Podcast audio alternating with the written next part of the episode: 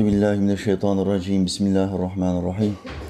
Elhamdülillahi rabbil alamin. Essalatu vesselamu ala rasulina Muhammedin ve ala alihi ve sahbihi ecmaîn.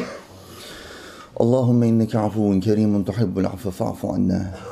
La ilahe illa ente. Allah'ım senden başka ilah yok. Sübhaneke seni yarattığın her şeyden tenzih ederim. İnni küntü minez zalimin. Muhakkak ki ben nefsine zulmedenlerden oldum. Rabbena amennâ. Rabbim bizi iman ettik. Bima enzelte. Bize indirdiğin kitaba iman ettik. Vettebe'na rasul. Peygamberine de tabi olduk. Pektubna. Bizi yaz Allah'ım. Ma'a şahidin. Şahit olanlarla beraber. Rabbena atina. Rabbim bize ver. Fid dünya haseneten. Dünyada iyilikler ver. Ve fil ahireti haseneten. Ahirette de iyilikler ver. Ve qina azaben nar. Bizi ateşin azabından koru. Rabbena ufilli. Rabbim beni affet. Ve li. Anamı babamı affet. Ve lil müminine. Bütün müminleri affet. Yevme yegûmul hisab. O çetin hesap gününde. Rabbi a'udu bike min hemedati şeyatin. Rabbim vaaz vereceğim. Şeytanların dürtmelerinden sana sığınırım. Ve a'udu bike rabbe yahdurun. Ve onların yanımda hazır bulunmalarından da sana sığınırım. Rabbi şrahli sadri. Allah'ım şu göğsüme çok genişlik ver. Ve yessirli emri. Yapacağım şu güzel işi bana kolaylaştır. Ve ahlul ugdeten min lisani. Şu lisanımdaki düğümü çöz Allah'ım. Yefkahu kavli. Ki insanlar cümlelerimi çok kolay anlasın. Amin ya mu'in bi hurmeti Taha ve Yasin. Yerleri ve gökleri aletsiz yaratan Allah'ımıza yarattıklarının nefesleri adedince hamdü senalar olsun.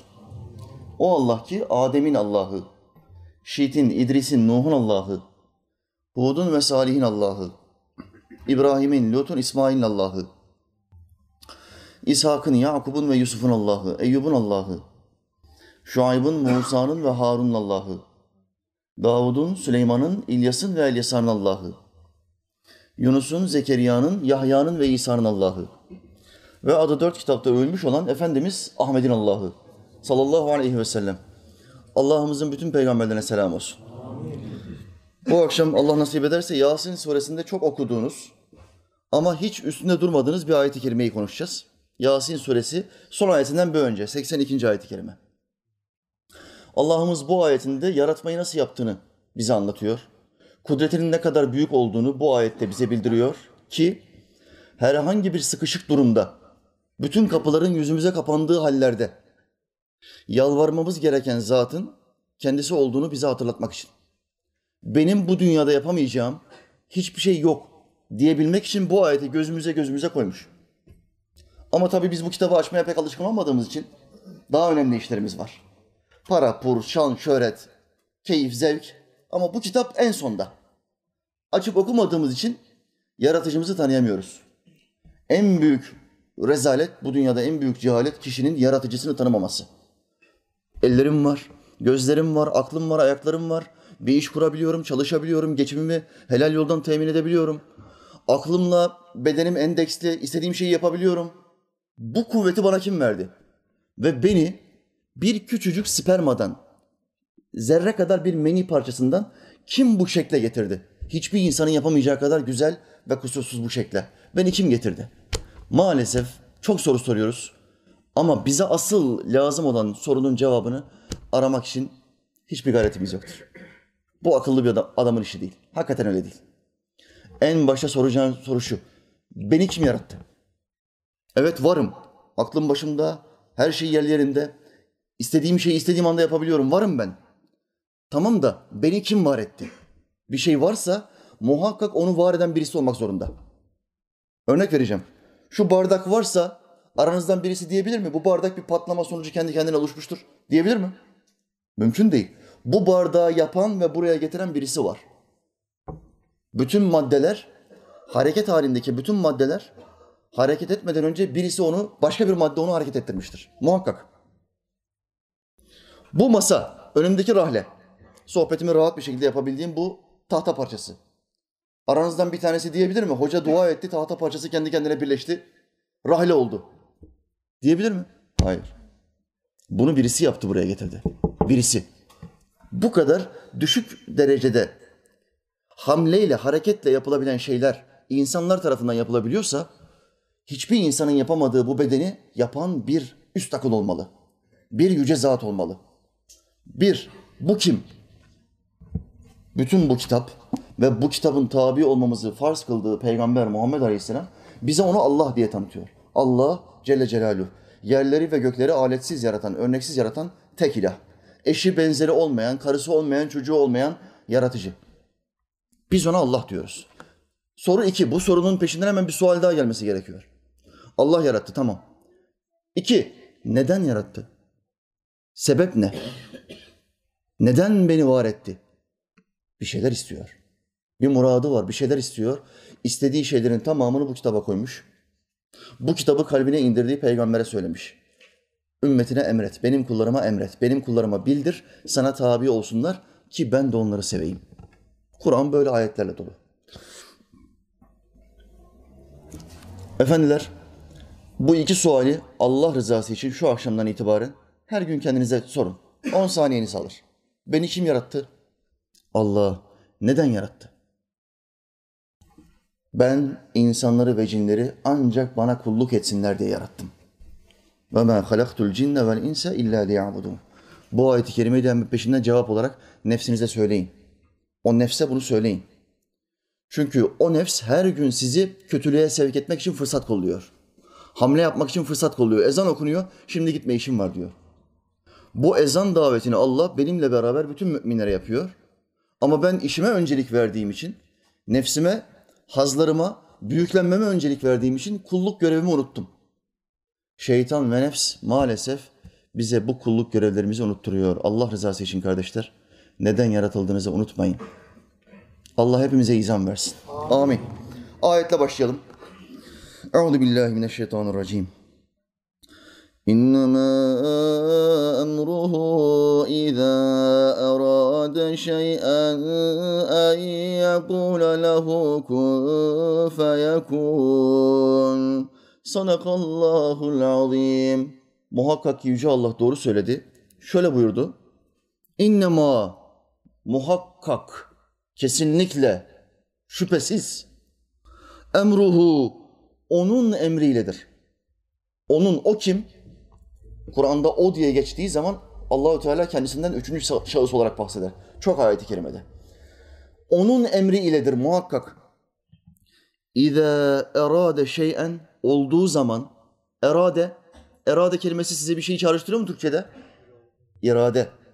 Türkçemizde kullandığımız on kelimenin yedisi sekizi Arapçadan gelmedir. Erade iradeden gelir.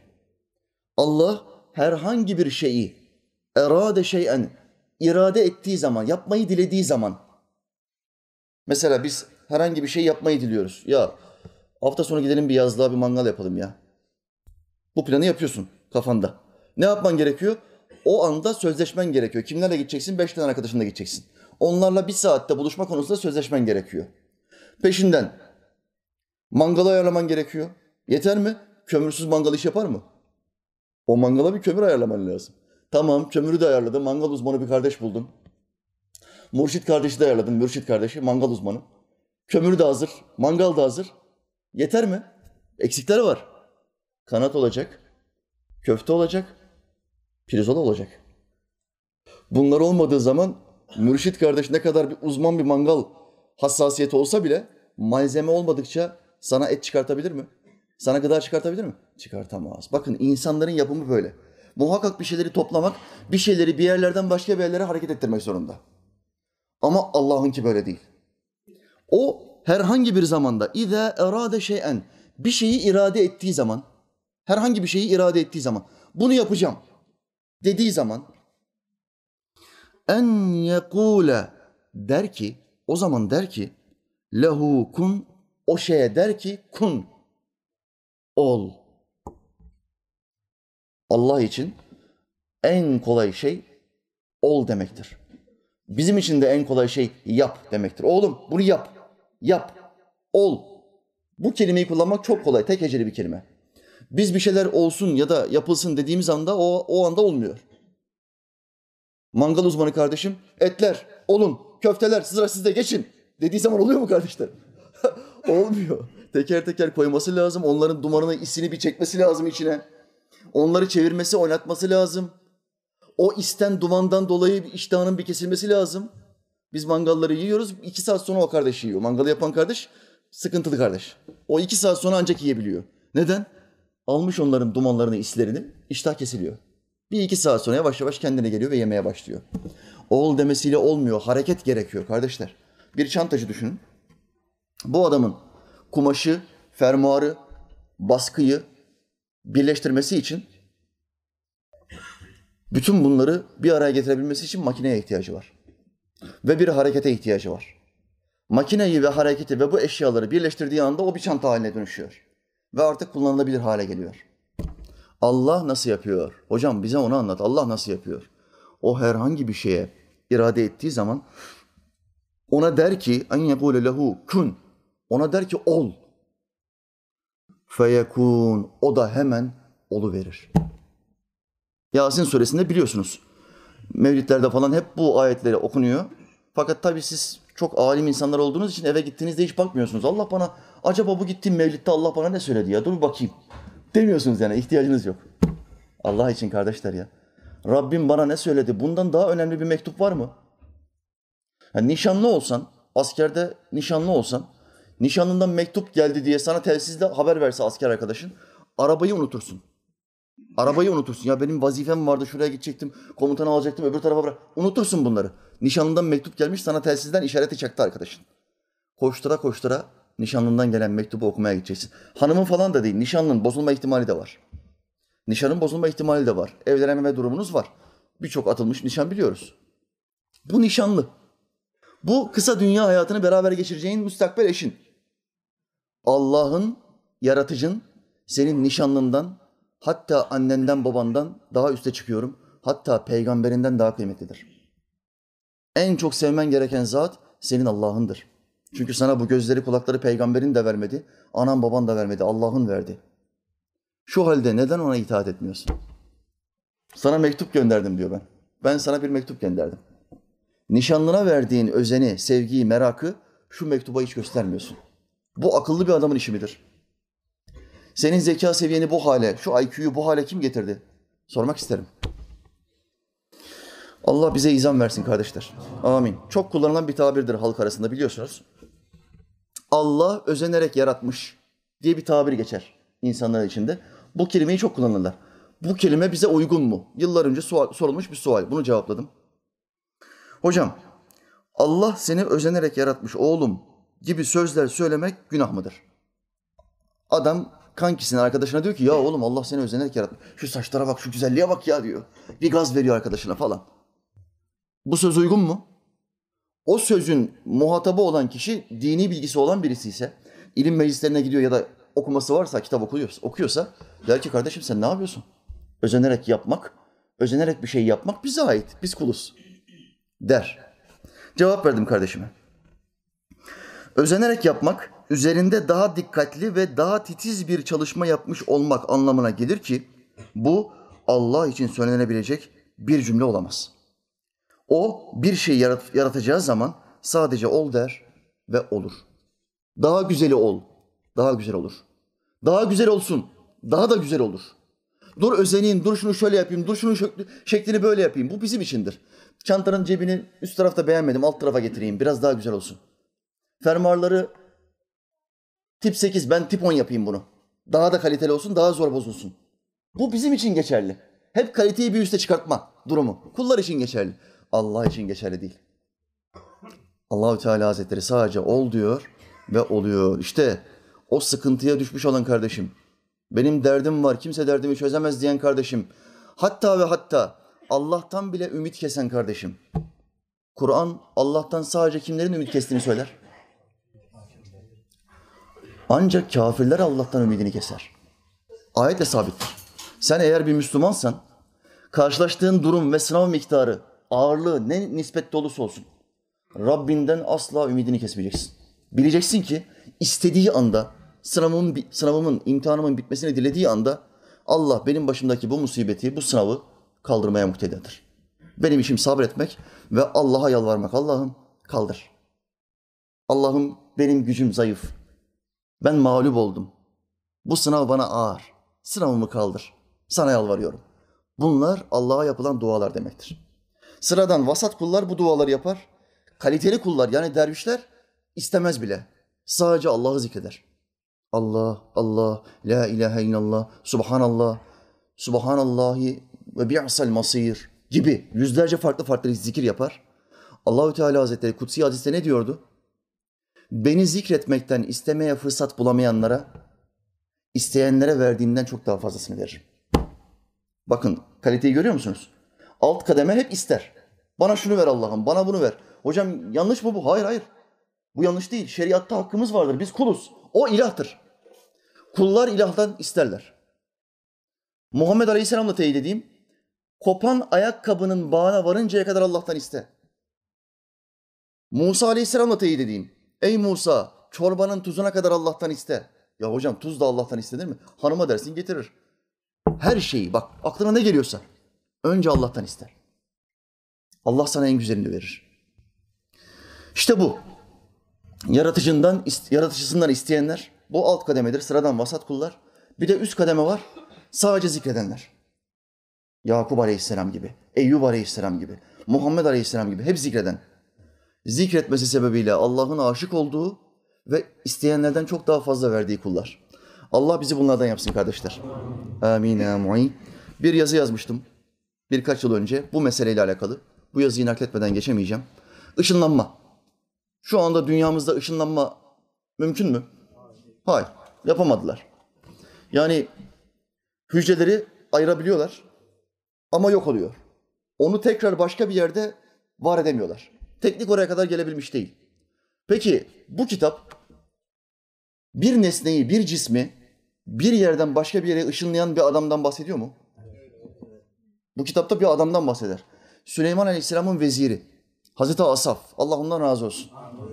İnşallah Rabbim nasip eder cennete gidersek ellerini öpmeyi Mevla bize nasip etsin. Öyle bir zat ki Allah'ın peygamberi Süleyman Aleyhisselam onun hakkında diyor ki dağların hareket edeceğine inanırım. Asaf'ın ayaklarının bu dinden hareket edeceğine inanmam. O kadar güvenmiş vezirine. İmanı o kadar kuvvetli bir zat ki bu dinden ve hikmetten ayakları bir karış hareket etmez. Sabit. Böyle bir zat. Nakliyeci ve ışınlanma diye bir yazı. Kur'an'da bir melikenin tahtını bir ülkeden başka bir ülkeye göz açıp kapayıncaya kadar getirebilen bir adamdan bahsedilir. Kitaptan ilmi olan bir zat gözünü açıp kapamadan ben onu sana getiririm dedi. Neml suresi. Kitaptan ilmi olan bir zat. Allah levh-i mahfuzdan ona bir ilim verdi. İlim ne? Herhangi bir nesneye dua ediyor. O nesne o ülkeden başka bir ülkeye gidiyor. Şu ilme bak. Burada sözü edilen kimse Süleyman Aleyhisselam'ın veziri olan Hazreti Asaf'tır. Allah'ın böyle bir gücü günümüzde yaşayan bir kimseye verdiğini hayal edelim. Şimdi o, o zaman da Süleyman Aleyhisselam'ın yanındaki zata verdi bunu. Günümüzde böyle birisine verdiğini hayal edelim. Aranızdan herkes kendisine döndürsün olayı şimdi. Benim bir duamla istediğim arabayı istediğim yerden istediğim yere getireceğim. İzmir'de arabaya binmeyeceğim. İzmir'de ben bu arabayı beğendim tamam. Ekspertizini de yaptım arabada sorun yok. Hiç o 30 tane 40 tane arabayı bir yere götürmek için hamle yapmayacağım. Bir dua yapacağım arabaya. Araba tak İstanbul'da garajda olacak. Düşünebiliyor musun böyle bir şey? Vermedi Allah. Buradan kimseye vermedi bunu. Bu adam bir nakliye firması kuruyor ama tek başına çalışıyor. Böyle bir gücün olsa ne yaparsın ilk? nakliye firması yaparsın, nakliye firması kurarsın ama tek başına çalışıyorsun, tek kişisin. Kamyon yok, mazot yok, eleman yok, kira yok. Risk sıfır, sıfır risk. Yorulmak yok, malın çürümesi riski yok. Kendisine getirilen her çuvalı veya her koliyi bir dua ile istenilen yere ışınlayabiliyor. Bunu buraya götür diyorsun. PTT gibi 3-5 gün bekletmek yok, para falan yok. Kapısına bir tır dolusu çanta getiriyorlar. Tırı bir anda İstanbul'dan Sivas'a yollayabiliyor. Bu adam bu özel yeteneğiyle hiç sermayesi olmamasına rağmen birkaç yıl içinde dünyanın en zengin adamları listesine girer mi girmez mi? En zengin adamı olur. Kargo ve taşıma şirketleri kazançlarını dibe indiren bu adamı öldürmek için en yetenekli katilleri kiralamaz mı? Bu kargolar ne yapacak? Bütün millet bu adama gidecek bir mesajla. Şu eşyamı buraya getirir misin? Şu arabayı buraya getirir misin? Şu evi buradan taşır mısın? Tek mesaj. Adam da tak tak bir dua yapacak. Allahu Teala'nın verdiği kudretle taşınacak. Şimdi kimsenin kargo ile işi kalır mı? Kargocuya falan kimse gitmez. Bu kargolar ne olur? Aç kalırlar. Aç kaldıkları zaman ne yaparlar? Bu adamı nasıl öldürebiliriz? Onun derdine düşerler. Hani bugün çıksa bir adam dese ki ben kansere çare buldum. Beş gün yaşar. Bulsa bile kansere çare beş gün yaşar. Altıncı gün o kanser ilaçlarını yapanlar bu adamı öldürürler. Yaşatmazlar. Tarihte bu vakalar çok görülmüştür. Çünkü çok büyük bir yatırım yapılmış. Depolar kanser ilaçlarıyla dolu. Kemoterapiler falan. Müthiş kimyasallar karıştırılmış ve büyük paralar akıtılmış. Bunların geri dönüşümü olması gerekiyor. Geri dönüşümü olabilmesi için insanların kanser yapılması lazım önce. Önce kanser yapacağız. Nasıl kanser yapacağız? GDO'larla. Yedikleri gıdaların hepsine şırınga basacağız. Çok daha büyük olacak. Lezzeti az olacak ama çok daha büyük olacak. Çok yiyecekler ve yaşam limitleri azalacak. Kanser yüzdeleri o ülkelerdeki kanser yüzdeleri çok artacak. Son 10-15 senede ülkemizdeki kanser limitlerine bakın. Yüzdelerine bakın. 15 sene önce Türkiye'deki kanser yüzdelerine bakın. GDO girdiğinden beri destek gıdası girdiğinden beri kanser miktarları yüzde 460, yüzde 560 vaziyette. Bu açgözlülük. Açgözlülükten sebep kimyalarımızı bozuyorlar. DNA'mızı bozuyorlar. Bir fareye, bilim adamları deney yapmış. GDO'lu gıda veriyorlar fareye. Yanındaki fare kardeşine, kankisine GDO'suz veriyorlar. Fare bir buçuk senede şişiyor. Her tarafı şişiyor. Kanser, tümör. Tümör, GDO'lu gıda yiyen farenin bütün vücudunu kapsıyor. YouTube'da videosunu gösterdiler bana. İki tane fare, bir buçuk sene. Biz bunu 40 sene yiyoruz, 30 sene yiyoruz. Tabii ki 50'de 60'da tak hemen doktor kötü haberi sana vermiyor. İmanın zayıfsa bir arkadaşı çağırır mısın diyor. Ben bir görüşeyim diyor onunla bir. Birkaç taktik görüşeyim diyor. Seninle konuşmuyor. Kanser olduğunu yüzüne söylememek için. Yanındaki kişiye bu kişi kanser olmuş diyor. İyi bakın. Gönlünü yapın. Gelsin gitsin. Kemoterapi alsın. Ama 100 hastanın 97'si gider diyor. Bunu söylüyor. Böyle bir adam olsa bu adamı yaşatmazlar. Süleyman onu Melike'nin tahtını yanında duruyor görünce dedi ki bu Rabbimin bir lütfudur. Şükür mü yoksa nankörlük mü edeceğimi sınıyor. Hükmü ile sabittir ki Allah Teala böyle harikulade bir işi bir mucize olarak peygamberine vermemiş, bir keramet olarak peygamberinin baş danışmanına vermiştir. Şimdi Süleyman Aleyhisselam ne istedi? Melike Belkıs'la bir savaş durumu ortaya çıktı. Ordumla beraber gidip ülkesini almak istiyorum dedi. Ama belki savaşa gerek olmayabilir dedi. E, eğer aranızdan birisi Melike'nin tahtını buraya getirirse ben onu sarayıma davet edeceğim. Tahtının buraya bir anda geldiğini görürse benim kuvvetimi anlar, adamlarını öldürmemiş olurum. Tek bir hamleyle ülkesini fethetmiş olurum diyor. Çok zekice bir hareket. Kim yapabilir diyor Süleyman Aleyhisselam. Aranızda bunu kim yapabilir? Cinlerden bir ifrit diyor ki ben gözünü açıp kapayıncaya kadar o tahtı sana getiririm diyor. Belkıs'ın tahtını sana getiririm. Süleyman Aleyhisselam diyor ki başka. As, Hazreti Asaf diyor ki ben Allah'ın izniyle getiririm dediği anda taht yanında görüyor. Bak gözünü açıp, kap açıp kapayıncaya kadar falan değil. O bir saniyedir çünkü. Gözü açıp kapama bir saniyedir. Bir andır. Hazreti Asaf'sa ben getiririm Allah'ın izniyle dediği anda Süleyman Aleyhisselam bir bakıyor taht hemen, hemen yanında. Biz bir nimetle karşılaştığımız zaman ne yapıyoruz? Biz avam olarak işte bu be. İşte bu. En sonunda kazandım. Oldu be. Üçüncü yazılımı aldım.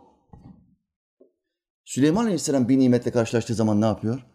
Hemen gidiyor, secdeye kapanıyor ve diyor ki işte bu nimet Allah ben şükredecek miyim yoksa nankör mü olacak mıyım diye bana verdiği bir sınavdır. Nimetler de sınavdır kardeşler. Allah kulu iki şekilde sınav eder. Bir, yoklukla. İki varlıkla. Hocam ben varlık sınavı istiyorum. Bak öyle deme. Öyle deme. Bütün gece kulüpleri ateistlerle dolu. Bütün gece kulüpleri ateist, deist. Ne, neden? Varlık, zenginlik adama müthiş bir kibir veriyor. Artık o adamın Allah'a ihtiyacı kalmıyor, dua etmeye ihtiyacı kalmıyor. Neden insanlar ateistleşiyor? En çok ateist kim?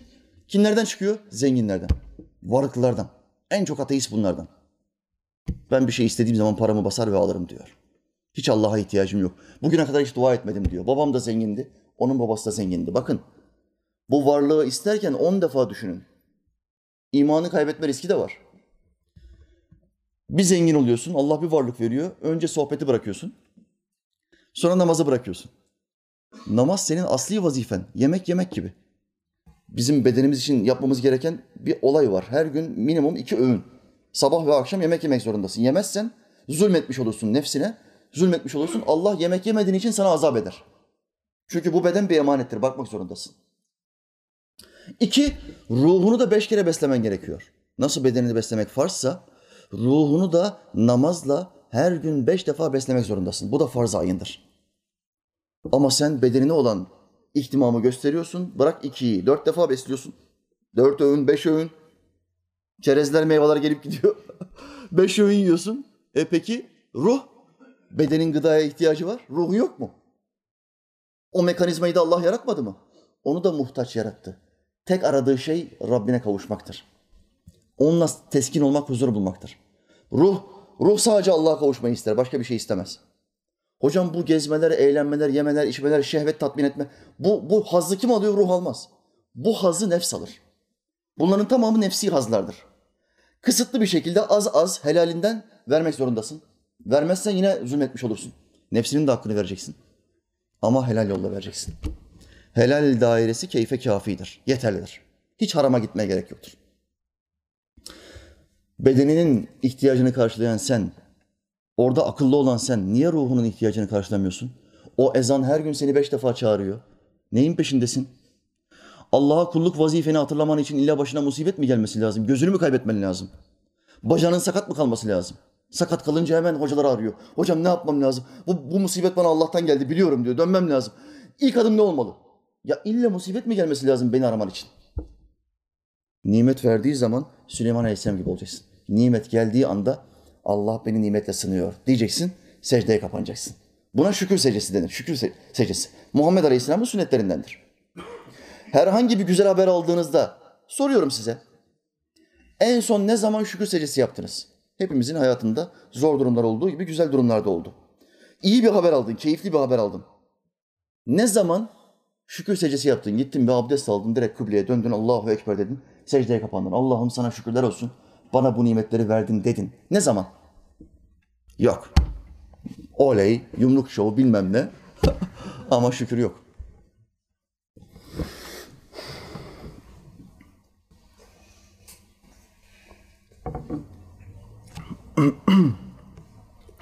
Yaratıcımız olan Allah bu ışınlanma nimetinin bir benzerini inşallah cennette biz kullarına da verecektir. Allah bize nasip etsin kardeşler. Amin. Oraya bir kapağı atalım. Gerisi kolay. Mesele oraya girmek zaten. Öyle ki o kul canının çektiği herhangi bir şeye ol diyecek. Ol. Allah'ımız onu var edecektir. Çalışmak yok, hamle yok. Cennete sadece ol diyorsun. Dünyadayken görüştüğü bir dostuna özlem duyunca onu ziyarete gitmek isteyecek. Allah onu gitmek istediği makama ışınlayacaktır. Bakın ışınlama nerede var? Cennette var. Allahü Teala bize nasip etsin inşallah. Yapıl, ölmeden önce yapılacaklar listem var benim. Ölmeden önce yapılacaklar listem 45-50 madde böyle. Yedinci madde ata binmek. Allah'ıma şükürler olsun hafta sonu bunu yaptım. Dostum Hakan'ın çiftliğine gittim. Her türlü bilimum hayvan mevcut. Ama ben atı gözüme kestirdim. Çünkü listemin içinde at var. Bu ata benim binmem lazım. At da kumarbaz bir at. Jokeylerin kullandığı, birçok yarış kazanmış, şöhretli, kumarlarda kullanılmış bir iddia atı. Emekli olmuş. Bu kardeşim de almış bu atı çiftliğine koymuş. Arada üstüne biniyor, geziyor falan. Atı bir gördüm. Harika, çok heybetli bir at. Dedim ki ben buna binmem lazım. O maddeyi çizmem gerekiyor. Birinci maddeyi merak eden kardeşlerim olabilir. Birinci madde de şu. Belinden bir iplikle bağlıyorlar seni. 500 metre yukarıdan aşağı atıyorlar. Jumping diyor buna, jumping. Bungee jumping kardeşler. Bu benim birinci fantezim. İnşallah bunu da yapacağım bak. Bu, şu aranızdan çoğu yükseklikten korkuyor olabilir. Ben yüksekliği çok severim. En sevdiğim rüyalar uçma rüyalarım. Rüyalarımda çok uçarım. Ama dünya hayatımda böyle bir uçma hiç yaşamadım. Uçakta gitmiş gelmişliğim çoktu. Ama üstümde bir alet olmayacak. Beni uçuran bir şey olmayacak. Ben yüksekten aşağı atlayacağım. O duyguyu yaşamak istiyorum. Belinden bağlayacaklar. Şehadeti getireceğim o anda. Ne olacağı belli değil. Yani gidebiliriz kardeşler. Yani gidebiliriz. Orada seni bir bir hala tutuyor seni. Her an gidebilirsin. Etrafımdaki kardeşlerle helalleşeceğim. Kamerada beni çekecek orada. Son mesajımı size vereceğim kardeşler. Ve 300 metreden yukarıdan aşağı uçacağım. Şehadetlerle, dualarla beraber uçacağım inşallah. Bu birinci madde. Yedinci maddem benim ata binmek. Dedim ben bu ata bineceğim. Oradan Hakan kardeşim dedi ki ya dedi bu dedi at çok haşim bir at. Uzun zamandır da üstüne kimse binmiyor hocam. Bu ata sen binersen bu at seni üstünden atarsa bir tarafın kırılır. Sonra senin dervişler bizi keser. Sohbete çıkamazsan bunlar bizi döverler. En iyisi mi? Sen bu ata binme. Sevme işte yanında dur. Bir dua oku yeter. Hayır bu fantezimi yerleştir yerine getirmem gerekiyor. Bu fantezimi yapmam lazım kardeşim. Atın yanına bir gittim. Verdim Fatiha'yı, verdim golüyü. verdim Fatiha'yı, verdim golüyü. At oldu pa- pamuk gibi. At pamuk gibi oldu kardeşler. Atın üstüne bindim. Çok güzel bir tur attım. İnşallah videosunu kardeşler hazırlıyor. Onu da görürsünüz. Güzel bir tur attım atın üstünde. Fakat oradan atın sahibi Hakan kardeş de gaz veriyor bana. Hocam ne yaptın? Evliya gibi adamsın ya. Falan diyor. At, at diyor bir sakinleşti, bir sessizleşti hocam diyor ya. Atın üstünde bir gezdik öyle. Elhamdülillah. O keyfimizi yer- yerine getirmiş olduk. Kardeşler, bunlar Allah'ın nimetleri. Ben yedinci maddeyi çizmek nasip oldu. Ee, Allah nasip ederse önümde bir 40 madde kadar daha var. Onları da ölmeden önce yavaş yavaş yerine getirmeye çalışacağım. İlk hedefim birinci madde yukarıdan aşağı atlamak. Onu sona bırakacak. O, o so- sona kalsın diyor bak. Hacı abi diyor ki onu sona bırak. Yani başına bir tehlike gelmesin en son madde o olsun diyor. Takdir ettim Hacı abi tebrik ederim. Kur'an'daki cennette sizin için canınızın çektiği ve istediğiniz her şey vardır haberi bunun bir delilidir. Herhangi bir şey istiyorsun. Allah'ım künefe istiyorum. Tak. Önünde künefe. Ya bizim Harun gibi 15 dakika 20 dakika bekletmeyecek yani.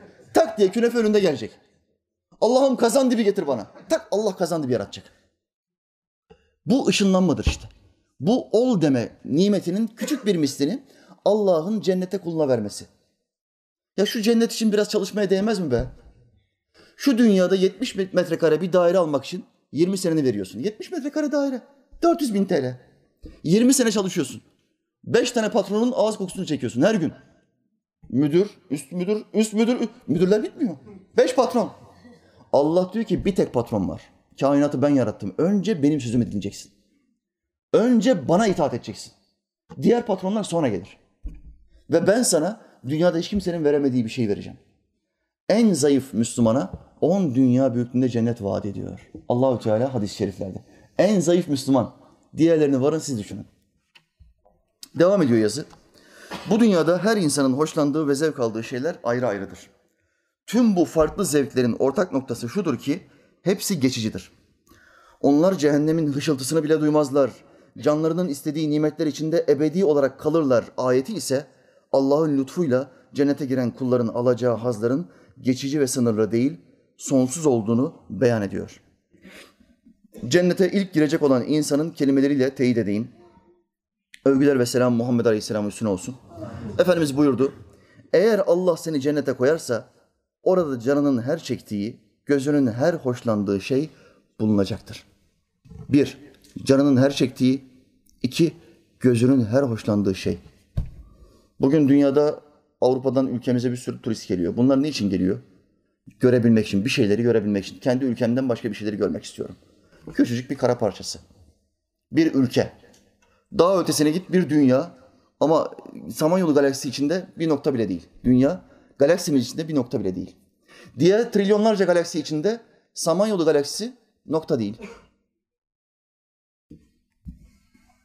Bunu görmek için, sadece bu ülkeyi görmek için paralar veriyorlar. Binlerce euro paralar veriyorlar ve geliyorlar. Allah ise sana 10 dünya büyüklüğünde bir yer vaat ediyor. Biraz aklını başına alman lazım gelmez mi Müslüman kardeşim? Biraz. Mevla Teala Hazretleri bizlere izan versin. Akıl fikir versin. Yani şu şu nimetlere kavuşabilmek için hamle yapabilme isteğini, muhabbetini içimize versin ki bu işler bize kolay gelsin.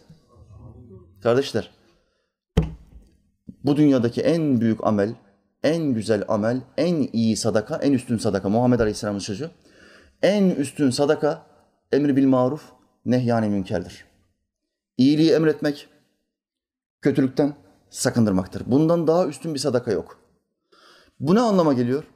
En hayırsever adam, en hayırlı adam İslam'ı öğret, öğreten ve Allah'ın haramlarını insanlara bildiren kişidir. Anlamına gelmiyor mu? Bakın Allah sadaka verenleri çok sever. Muhammed Aleyhisselam bir gün Bilal-i Habeşi'nin odasına girdi. Baktı kapının arkasında hurmalar var. Bir sürü hurma. Dedi ki ya Bilal bu hurmalar nedir burada? Ey Allah'ın Resulü ben hurmaları biriktiriyorum dedi. Sana misafirler gelince sudan başka bir şey çıkartamıyorum. Bari hurmaları biriktireyim ki 2-3 2-3 hurma çıkartırım. Sen sen mahcup olmamış olursun diyor. Efendimiz Aleyhisselam'a. Şu fakirliğe bakın. Hurma ya. En, en ucuz şey. Peygamberimiz Aleyhisselam diyor ki ya Bilal bu din biriktirme dini değildir. Bu din tasadduk etme dinidir. Sadaka verme dinidir. Dağıtma dinidir. Paylaşma dinidir. Hemen bunları fakir fukaraya tasadduk et. Kendisi ihtiyacı olmasına rağmen son peygamberin övgüler ve selam efendim olsun. Hemen dağıt diyor, tasadduk et diyor. Buna iman denir kardeşler. Unutmayın, iman olmadıkça yaptığınız bütün ameller, bütün işler silinmeye mahkum oluyor. Muhakkak hayatın içinde La ilahe illallah Muhammedun Resulullah'ı monte etmen gerekiyor. Ondan başka ilah yok ve Muhammed onun kulu ve Resulü. Bunu hayatın içine monte etmediğin zaman, baş ve sonu bu ikisi yapmadığın zaman Allah ve Resulü yapmadığın zaman bütün amellerin çöp oluyor. Tıpkı Hristiyanların, Yahudilerin ya da kafirlerin amelleri gibi. Hepinizin ayrılacağı insanlar var. Etrafınızdaki sizi seven ya da sevdiğiniz insanlara iyi bakın. Onlardan ayrılacaksınız. Ahirette de ebedi yaşamda da kavuşamayacaksınız, ayrılacaksınız. Bazılarından ayrı olacaksınız. Bazılarınız cennete gidecek, bazılarınız cehenneme gidecek. Çok sevdiğin karınla ayrı düşebilirsin. Başörtüsünün farz olduğuna inanmıyorum diyen karınla ayrı düşebilirsin. Başörtüsünün farz olduğuna inanmıyorum diyen bir kadın Allah bu kitapta öyle söyle yalan söylüyor demiş olur. Allah'a yalan söylüyor diyen kişi nereye gider? Ve ebedi olarak ateşe gider. Böyle şey olur mu? Allahü Teala bu kitapta kadının bırak başörtüsü emrini nasıl örtünmesi gerektiğini bildiriyor. Nasıl? Örtüneyim ama nasıl örtüneyim Allah'ım? Onu bile bildiriyor. Detay vermiş Allah. Ve senin hanımın diyor ki öyle bir emir yok ben inanmıyorum. Bu zaman için geçerli değil. Diyor. Ayrılacaksın. Bununla ayrılacaksın. Ayrılmaman için bu hanımının amellerinin tamamının çöpe gitmemesi için hanımını eğitmen gerekiyor. Senin dilin dönmüyorsa dili dönen adamların sohbetlerini bu kadına izletmen gerekiyor ki hayatını kurtarsın. Nuh Aleyhisselam'a Allah kavmini helak etmeden önce bir emir verdi. Dedi ki ağaçları kes, sütunlar yap. Sütunların şekillerini sana kulum Cebrail öğretecek. Bu tahtaları, bu sütunları birleştir. Ama tahtaların her birisinin üzerine ağaçtan kesip sütuna çevirdiğin tahtaların her birisinin üzerine bir peygamberimin ismini yaz. Allah bütün peygamberlerin isimlerini Nuh Aleyhisselam'a bildirdi. Bütün peygamberleri yazdı bütün tahtalara. Tahtaları birleştirmeye başladı. Ama bir baktı sabah geldiğinde tahtaların üzerindeki peygamberlerin isimleri silinmiş. Tahtaları birleştirmeyi bıraktı. Tekrar isimleri yazmaya başladı. Bir sabah sonra bir daha geldi, bir daha baktı. İsimlerin tamamı silinmiş. Dedi ki Allah'ım bu nasıl iştir? Bu nasıl oluyor? Ben senin peygamberlerin isimlerini yazıyorum ama siliniyor. Cebrail aleyhisselam geldi ve bir vahiy getirdi Nuh aleyhisselama. Dedi ki ey Nuh Allahü Teala buyurdu ki peygamberlerin isimlerinin en başına benim ismimi yaz. En sonuna da son peygamber Muhammed aleyhisselamın ismini yaz. Bütün tahtaları bu iki tahtanın arasına kapat. Gemini böyle yap. Diğer isimleri şeytan bir daha silemeyecektir. Nuh Aleyhisselam en başa Allah'ımızın ismini, en sona son peygamberin ismini koydu. Övgüler ve selam efendim olsun. Sabah bir geldi, isimler hala yerinde duruyor. Hayatın içinde bir sürü isim var. Ahmet, Mehmet, Niyazi, Ayşe, Fatma, annen, halanın çocuğu, teyze kızı. Bir sürü isim var hayatının içinde ve bu isimlerin birçoğu ahirette silinmiş olacak. Sırf İslam'ı yaşamadığı için, Allah'tan yüz çevirdiği için cehenneme gidecek ve sen onunla görüşemeyeceksin. Senin hatırın geçmeyecek. Allah'ım ben cennete girdim. Onun da benim yanımda olmasını istiyorum. Cehenneme hak etmiş olan bir kulu cennete koymak adil olmaz. Adaletli olmaz. Dünyadan bir örnek vereyim. Bir sınıfta 40 tane öğrenci var. 40 öğrencinin 35 tanesi gözlerini patlatır, patlatıncaya kadar sınava çalışmış. 5 tanesi PlayStation oynamış. Akşam sabaha kadar PlayStation oynamış. 35 öğrenci sınavlara, sorulara doğru cevap veriyor. O 5 tanesi yanlış cevap veriyor. Öğretmen 35'ini geçin diyor, biz üst sınıfa geçtiniz. 5 tanesine diyor ki siz kaldınız. Öğrenciler şunu diyebilir mi? Bu öğretmen zalim bir öğretmen. Haksızlık yaptı bize. Diyebilir mi? Sen yaptın. Sen yaptın. Yanlış soruları cevapladın. Seçeneklerin yanlış, seçimlerin yanlış. Namaz kıl dedi, kılmadın. Zekat ver dedi, vermedin. Oruç tut dedi, tutmadın. Kadına bakma dedi, baktın. Zina etme dedi, ettin. İçki içme dedi, içtin. Faize bulaşma dedi. O benim ve Resulümle savaş demektir dedi. Ben seninle de savaşırım, Resulünle de savaşırım dedin. Meydan okudun. Ve diyorsun ya Allah zalim niye bizi cehenneme atıyor ya? Bu öğretmen zalim olmadığı gibi, adil olduğu gibi Allah da adildir. Senin hanımın, çocuğun Allah'ın emirlerini tutmazsa kurtaramazsın. Ahirette hiçbir fayda sağlayamazsın. Şu halde dünyada onları kurtarabilmek için hamle yapman gerekiyor. Bir şeyler öğretmen gerekiyor. Onları İslam'a sevk etmen, davet etmen gerekiyor. Davetçilik en büyük meslektir. En üstün meslektir. Hepinize tavsiyem budur. Çalışıyorken sohbetler dinleyin. Her, her boş vakitte kitap okuyun ve kendinizi İslam ilimlerinde geliştirin. Bu, bu meslekten daha üstün bir meslek yok. Dünyadaki bütün ticaretlerinizde, bütün mesleklerde zarar etme ihtimali vardır, batma ihtimali vardır. Hepsinde. Davetçilik mesleğinde batma ihtimali sıfırdır. Çünkü bu meslekte ortağın Allah'tır. Celle Celaluhu. Allah ile ortaklık yapan, onun şirketinde hizmetçi olan bir adamın zarar etme ihtimali olabilir mi? Şunu deme hocam para var mı bu işte? Bu işte para yok. Olsaydı ben zengin olurdum. 22 yıldır İslam davetçisiyim. Çok insanın hamdolsun hayatını kurtarmak nasip oldu. 70 metrekare evde oturuyorum, arabam bile yok. Olsaydım ben zengin olurdum. Sen buna bakmayacaksın zaten. Sen ebedi olan yaşamda ev, araba yapmaya çalışacaksın. Orayı kazan, bu dünyadakilerden çok daha üstün evler, köşkler, arabalar, eşler seni bekliyor olacak. Yatırımını geçici olmayana yap. Az önce bir cümle kurdum. Bu dünyadaki hazlarımızın, lezzetlerimizin tamamı geçici, sıradan. Sütlü kahveyi içtin, içerken bir haz alıyorsun. Tam şu gırtlak kısmında. Ağzın içinde bir sütlü kahveyi böyle dilinle beraber değiştirdin, dolandırdın. Gırtlağından geçti ve haz bitti mi? Bitti. Kahvenin sonuna geldin ve haz bitti. İkinciyi hocam fazla gelir. Ağır gelir. Mide doldu. En güzel nimetleri getirseler bile artık yiyemezsin. Kısıtlı. Her şey geçici, her şey kısıtlı. Sen neyin peşinde ol? Hiç bitmeyecek, hiç geç, geçmeyecek olan bir yer. Peş peşe 20 tane İskender yiyeceğin ama hiç doymayacağın bir yer. Düşünebiliyor musun kardeş? 20 İskender yiyeceksin ve hiç doymayacaksın. Peş peşe 10 tane künefe yiyeceksin ve hiç doymayacaksın. Ben künefenin yarısını yiyebiliyorum ancak. Kesiyor. Çok ağır bir tatlı çünkü. Orada 10 tane künefe yiyeceksin ve rahatsızlık yok. Şeker yok, tansiyon yok, kolesterol yok. Dur doktora gideyim kendimi göstereyim falan. Yok böyle bir şey. Burası için çalışman lazım gelmez mi? Müslüman kardeşim aynı soruyu üç defa sordum. Ve sormaya devam edeceğim. Aklını harekete geçirmeye çalışıyorum. Allah için beni anlamaya çalış. Allahü Teala Hazretleri hepinizi İslam davetçisi yapsın. Amin. Hiç merak etmeyin. Bu İslam davetçisi olabilmek için işinizi terk etmek zorunda değilsiniz. Ne çalışıyorsan, ne iş yapıyorsan aynı işi yapmaya devam edeceksin. Tek fark şu. Bulduğun her boşlukta sohbet seyredeceksin. Her boşlukta. Yapacağın şey bu. Ehli sünnet bir alimin, bir hocanın sohbetini seyretmek. Her defasında ilimde bir iki adım ileriye gidersin. Her gün 8-10 mesele öğrenirsin İslam'a dair. Ve etrafında bazı insanlar sıkıntıya girdiği anda, bir fetva ihtiyacı olduğu anda o senin aklına gelir. Allah senin aklına getirir. Ve o kişiye yardımcı olursun. Bir ilim öğretmiş olursun. Ve onun hayatını kurtarırsın. Bundan daha büyük bir mutluluk yok. Bunu yaptığın anda bir kişinin sıkıntısını giderdin ya, o mutluluğu tattığın anda işte sen artık bir bağımlısın. Hayat kurtarma bağımlısı. Bu lezzeti bir kere tattığın zaman beni anlarsın. Şu anda belki biraz uzak gibi görünüyor olabilir. Yani bu adam ne anlatıyor ya? Böyle bir zevk olabilir mi? Bana ne? Milletin derdi. Zaten benim bir sürü derdim var. Samimi kullar, hakiki kullar diğer gamdır. Muhammed Aleyhisselam ve sahabeleri gibi. Kardeşinin derdini kendi derdinden önce koyan demektir. Diğer gam.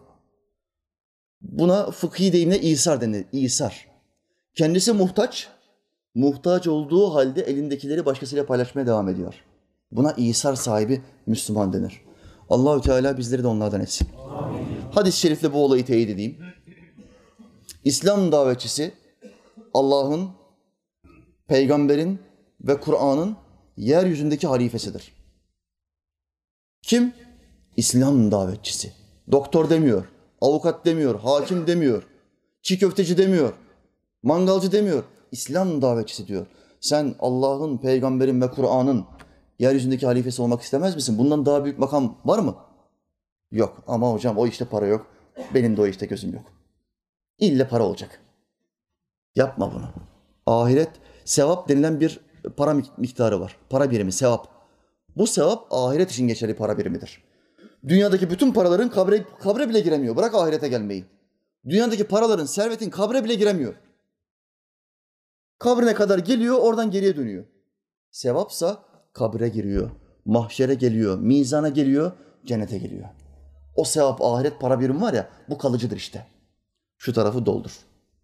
Bu tarafı doldurursan büyük bir karla ahirete gidersin. Biiznillah. Allah hepinizden razı olsun kardeşler. Bir iki hidayet mesajı da okuyayım. Var mı 5-10 dakikam? Heh, güzel kardeşim tamam.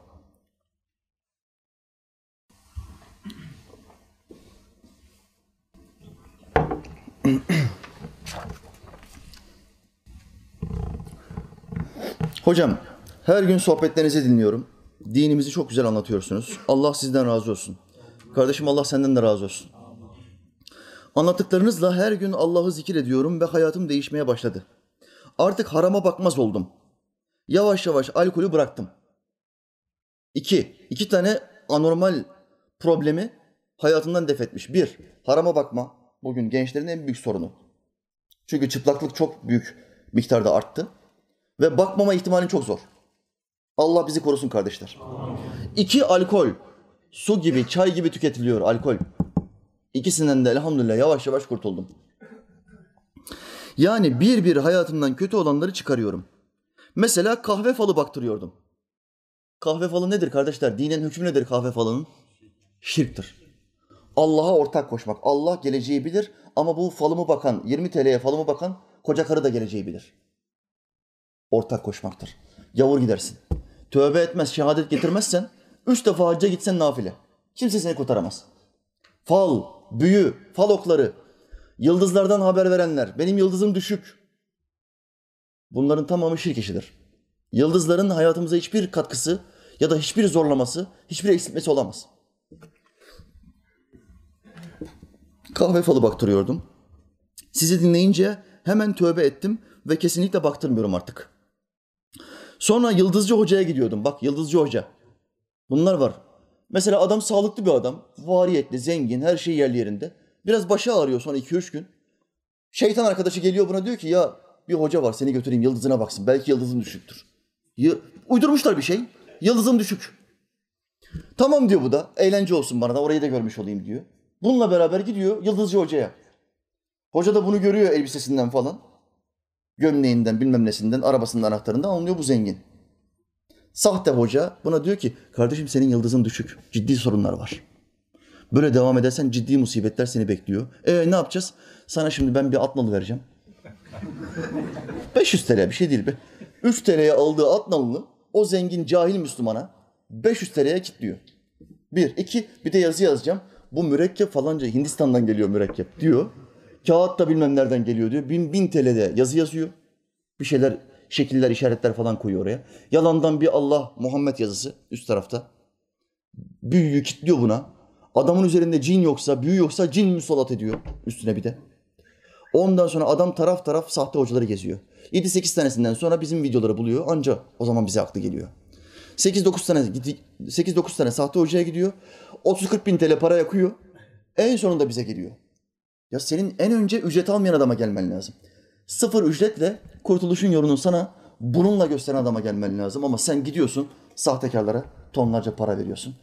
İstismar ediliyorsun. Cinleri topluyor başına. Kendisine bağımlı hale getiriyor. Çok şükür diyor Yıldızcı Hoca'ya gidiyordum diyor. Onu da bıraktım diyor. Ona da tövbe ettim ve Allah'a dua etmeye başladım. Şimdi rahatım artık. Sizin gibi insanlar olmasa bir kafir, bir sapık olacaktım belki. Allah korusun. Sizin anlattıklarınız sayesinde mutluyum artık. Allah sizden razı olsun. İnşallah cennette Peygamber Efendimizin komşusu olmayı nasip etsin. Amin. Kardeşim şu son duana çok içten amin diyorum. Rabbim seni sevsin. Mevla Teala hep beraber bizi Muhammed Aleyhisselam komşusu etsin. Amin. Amin. Bir tane daha okuyayım. Hocam ben de sizin videolarınızı YouTube'da müzik açarken gördüm. İzleyince hayatınız değişecek yazıyordu. Gerçekten de değişti. YouTube'da en çok izlenen kanallar hangi kanallar? Müzik kanalları, rap kanalları. sohbet kanalları, ilim kanalları en az izlenen kanallar. Buna rağmen kanalımız hamdolsun Türkiye'nin en çok izlenen sohbet kanalı olmuş. Bu müziklerle falan yarışma ihtimalimiz yok. Kız bir açıyor bacağını, göbeğini bilmem nesini. Bir milyon izlenme alıyor. Hocanın izlenmesi 50 bin izlenme. Tabii bizim göbeğimiz, bacağımız yok kusura bakmayın. Anca ilim konuşturabiliyoruz. Onlar gibi çıplak değiliz. Müzik izlerken diyor sohbetlere takıldım. İzleyince hayatınız değişik yazıyordu. Gerçekten de hayatım değişti. Önce namaz kılıyordum ama biraz zayıf idim. Bir kılıyor, bir kılmıyordum. Sizin videolarınızı izleyince gerçekten çok cahil olduğumu anladım. Biliyorsunuz, aç tavuk kendisini buğday ambarında zanneder. Kime sorsan yolda ilmi bilgin nasıl, dini bilir misin? Ben alim gibiyim der. Gusül abdestini sorsan cevap veremez. 32 farzı sorsan cevap veremez. Ama halkımız hepsi ben alimim der. Bilmiyor ama bilmediğini de bilmiyor. Bilmediği ne zaman ortaya çıkıyor? Bir alimin, bir hocanın sohbetlerini izlemeye başladığı anda diyor ki ben hiçbir şey bilmiyormuşum ya. Aynı olay biz hocalar için de, İslam davetçileri için de geçerli. Her gün 40-50 sayfa okumam var. Okudukça, kendimi bu ilimde geliştirdikçe, ilmin derinine dalmaya devam ettikçe her gün daha fazla cahil olduğumu anlıyorum. Bu bizim için de geçerli kardeşler. İlim seviye seviyedir. Koca bir okyanustur. Allah'ın biz davetçilere verdiyse bu okyanusta bir damladır. Sadece bir damla. Gerisini siz düşünün. Halkımız da böyle. Kendisini bir şey biliyor zannediyor ama henüz daha bir ilmihal kitabı bile almış okumuş değil. Nasıl gusül abdesti alınır bunu bile bilmiyor maalesef. Çok cahil olduğumu anladım sohbetlerden sonra. Şimdi hem eşim hem ben namazımızı kılıyoruz. Allah sizden razı olsun. Kardeşim Allah sizden de razı olsun. Bak eşine de vesile olmuş. Kendini kurtarıyor. Hemen muhabbet yan tarafa da sıçrıyor. Ona da vesile oluyor. Ev yaptırıyoruz hocam. Kredi için birkaç bankaya sordum. Kredi, savaş. Allah ve Resulüne savaşa girmiş. Birkaç bankaya sormuş. En son bankaya gittiğimde gişe memuru biraz be- beklememi söyledi. Ben de tamam dedim ve Facebook'ta gezerken sizin bir ayet paylaştığınızı gördüm. Şu Allah'ın takdirine bak. Bak Allah adamı adamı uçurumdan çekmek istediği anda küçük basit bir videoyla bile çekip alır. Banka memuru demiş ki dur bir ben geleceğim. Üst memurla görüşeceğim. Bir seni çek edeceğiz. Tamam derse kredini vereceğiz. Ben diyor Facebook'ta gezinmeye başladım diyor. Zaman geçsin. Bir ayet paylaştınız hocam siz. Ey iman edenler faiz yemeyin. Faiz yiyenler Allah'a ve peygamberine savaş açmışlardır.